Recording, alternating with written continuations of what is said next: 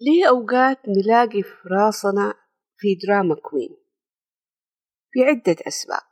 لو فهمنا السبب ممكن إن نحاول نتعامل مع الموضوع.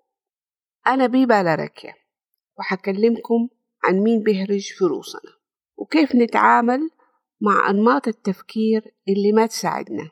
بإننا نتخيلها كشخصيات وندير حوار داخلي. يا الله إيش حبنا للدراما؟ عندنا في راسنا شخصية أنا سميتها درامينا. هي drama queen. صحبة مع شخصية تانية في راسنا سميتها مالفينا ملكة النكد. الدراما هي لما يصير أي شيء بنحط له معنى ونتصور أمور مترتبة عليها. يمكن أسهل نلاحظها في غيرنا. نفترض تكوني بتديري مشروع بتشتغلي مع فريق عمل. وبتحاولوا تخلصوا مشروع في وقت معين. تطلب من زميل أو زميلة شيء معين بكرة. قال ما يقدر يخلصه. لكن أنت مسؤولة أمام الإدارة عن التسليم. فتحاولي تكوني عنصر مساعد. تقولي طيب أرسل لي اللي عندك وأنا حكمل عليه عشان نلحق نرسل للإدارة. تلاقيه يجيله انهيار عاطفي. يقول لك لا هذا مو أسلوب كيف تتكلمي معايا كده؟ إيش في؟ إيش المشكلة؟ هو شافه إهانة وتقليل واستهانة. ولا أحد يقول ما عجبتنا نظرة الحارس الأمني هذا. شكله مستنكر إني دخلت في هذا المكان. والله لو كلمني يا ويلو هو ما كلم ولا قال شيء هو طل. وإنت تلاقيك دخلت. لاحظها في الأطفال. ولاحظها في ال social media. وكيف الأمور كلها تقلب دراما نكد في نكد. هاشتاجات وترندات الناس تدور فيها على الزعل والغضب. طاقة مهدرة في الدراما. لكن خلونا نحاول نلاحظها بنفسنا. غالبا اللي بنلاحظه بشكل أكبر ويعصبنا في غيرنا هو موجود فينا. زي ما قلنا المخربين اللي في راسنا بيحاولوا يوصلوا لنا شيء بس بأسلوب تخريبي. في عدة أسباب. أنا حركز على ثلاثة أشوف إنها أهم شيء. السبب الأول هو طلب الاهتمام. طبيعي إنه الإنسان يحتاج اهتمام. لكن لما ما نتعلم أو ما إحنا قادرين نطبق طريقة صحية ناخد بيها الاهتمام اللي نحتاجه تلاقي الدراما كوين اللي في راسنا يبدأ يزعق ويعمل أشياء زي رقع أبواب رمي أشياء كلام جارح أو هجوم. السبب الثاني إنه ما نكون قادرين على مواجهة المواقف الصعبة فنتهرب منها عشان ما نضطر نتعامل مع الموقف وكمان نقلب الموضوع لصالحنا عاطفيا. ناخد تعاطف وشفقة.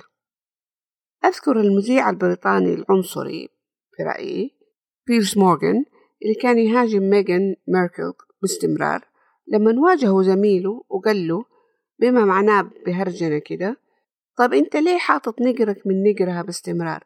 كله عشان رفضتك وراحت اتجوزت هاري.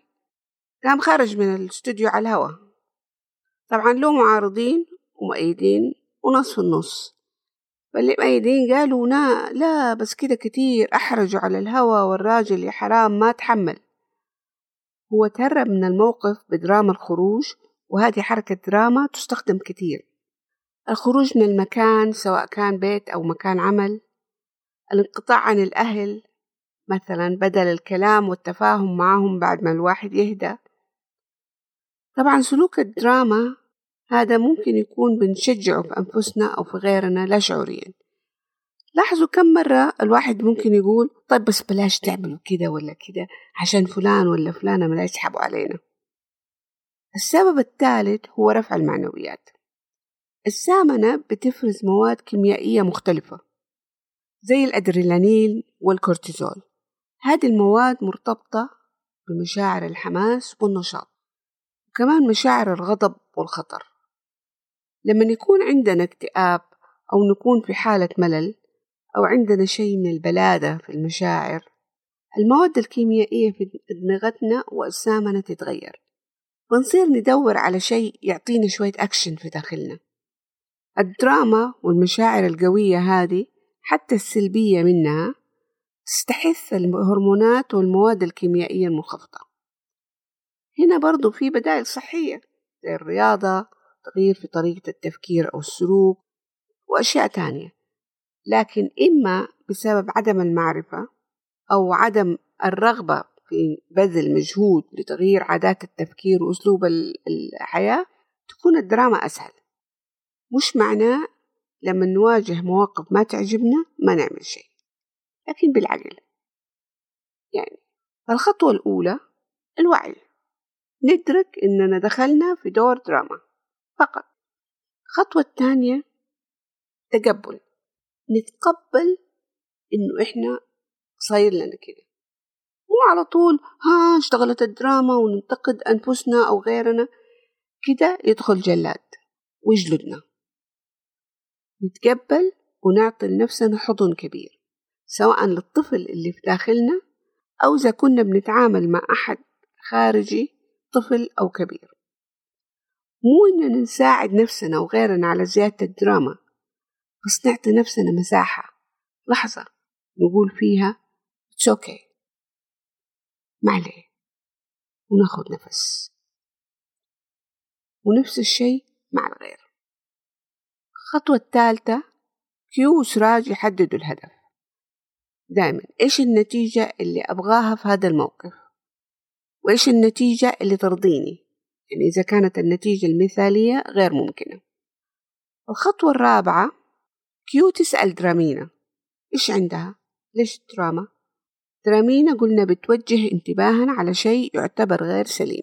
بالنسبة لنمط التفكير هذا اللي موجود عندنا وسميناه درامينا نشوف الاعتراض في اهتمام مفقود أو ناقص في هذا الموقف؟ هل شايف الموقف هذا صعب عليك تتعاملي معه؟ هل حاسس باكتئاب وتحتاج شوية حماس؟ نفهم أنفسنا مو لازم نقول لأحد بس كل ما كنا صريحين مع نفسنا حنرتاح أكتر الخطوة الخامسة كيو تحدد الخيارات اللي أمامك عندك نتيجة تبي تحصلي عليها لكن درامينا بتتدخل بعوائق معينة. كيف ممكن تتعاملي معها؟ إنكارها ما هو شيء بناء. يعني مو واحد يقول لا أنا أقدر أواجه المواقف الصعبة إيش ما كانت ولا الجلد سواء الجلد الذاتي أو للغير. إذا هو الاهتمام كيو تسأل كيف ممكن تحصل عليه بشكل بناء؟ إذا موقف صعب كيو برضو تسأل إيش اللي ممكن يساعدك على مواجهته؟ اكتئاب كيو تسأل إيش في وسائل بناءة تساعد في رفع المعنويات؟ واحد يروح حفلة يطلع عند البحر أو البر يفتح موسيقى يرقص يطلع التوتر ويزيد البهجة يتفرج على شيء كوميدي يعمل تأمل. كل واحد له طريقته. ممكن نحتاج نتأكد من فهمنا للمعاني شخص عمل حركة قال شيء نسأل ونفهم قصده بدل ما نقلبها قصة ودراما على معنى إحنا حطيناه. الخطوة السادسة اختار وأكشن خلاصة الكلام. لما نواجه موقف يدخلنا في دراما داخلية نمشي على الخطوات التالية. خطوة واحد الوعي. خطوة اثنين التقبل. خطوة ثلاثة كيو سراج يحددوا الهدف. خطوة أربعة كيو تسأل وتفهم إيش العقبات اللي درامينا شايفتها. خطوة خمسة كيو تحدد الخيارات لتحقيق الهدف وتجاوز العقبات.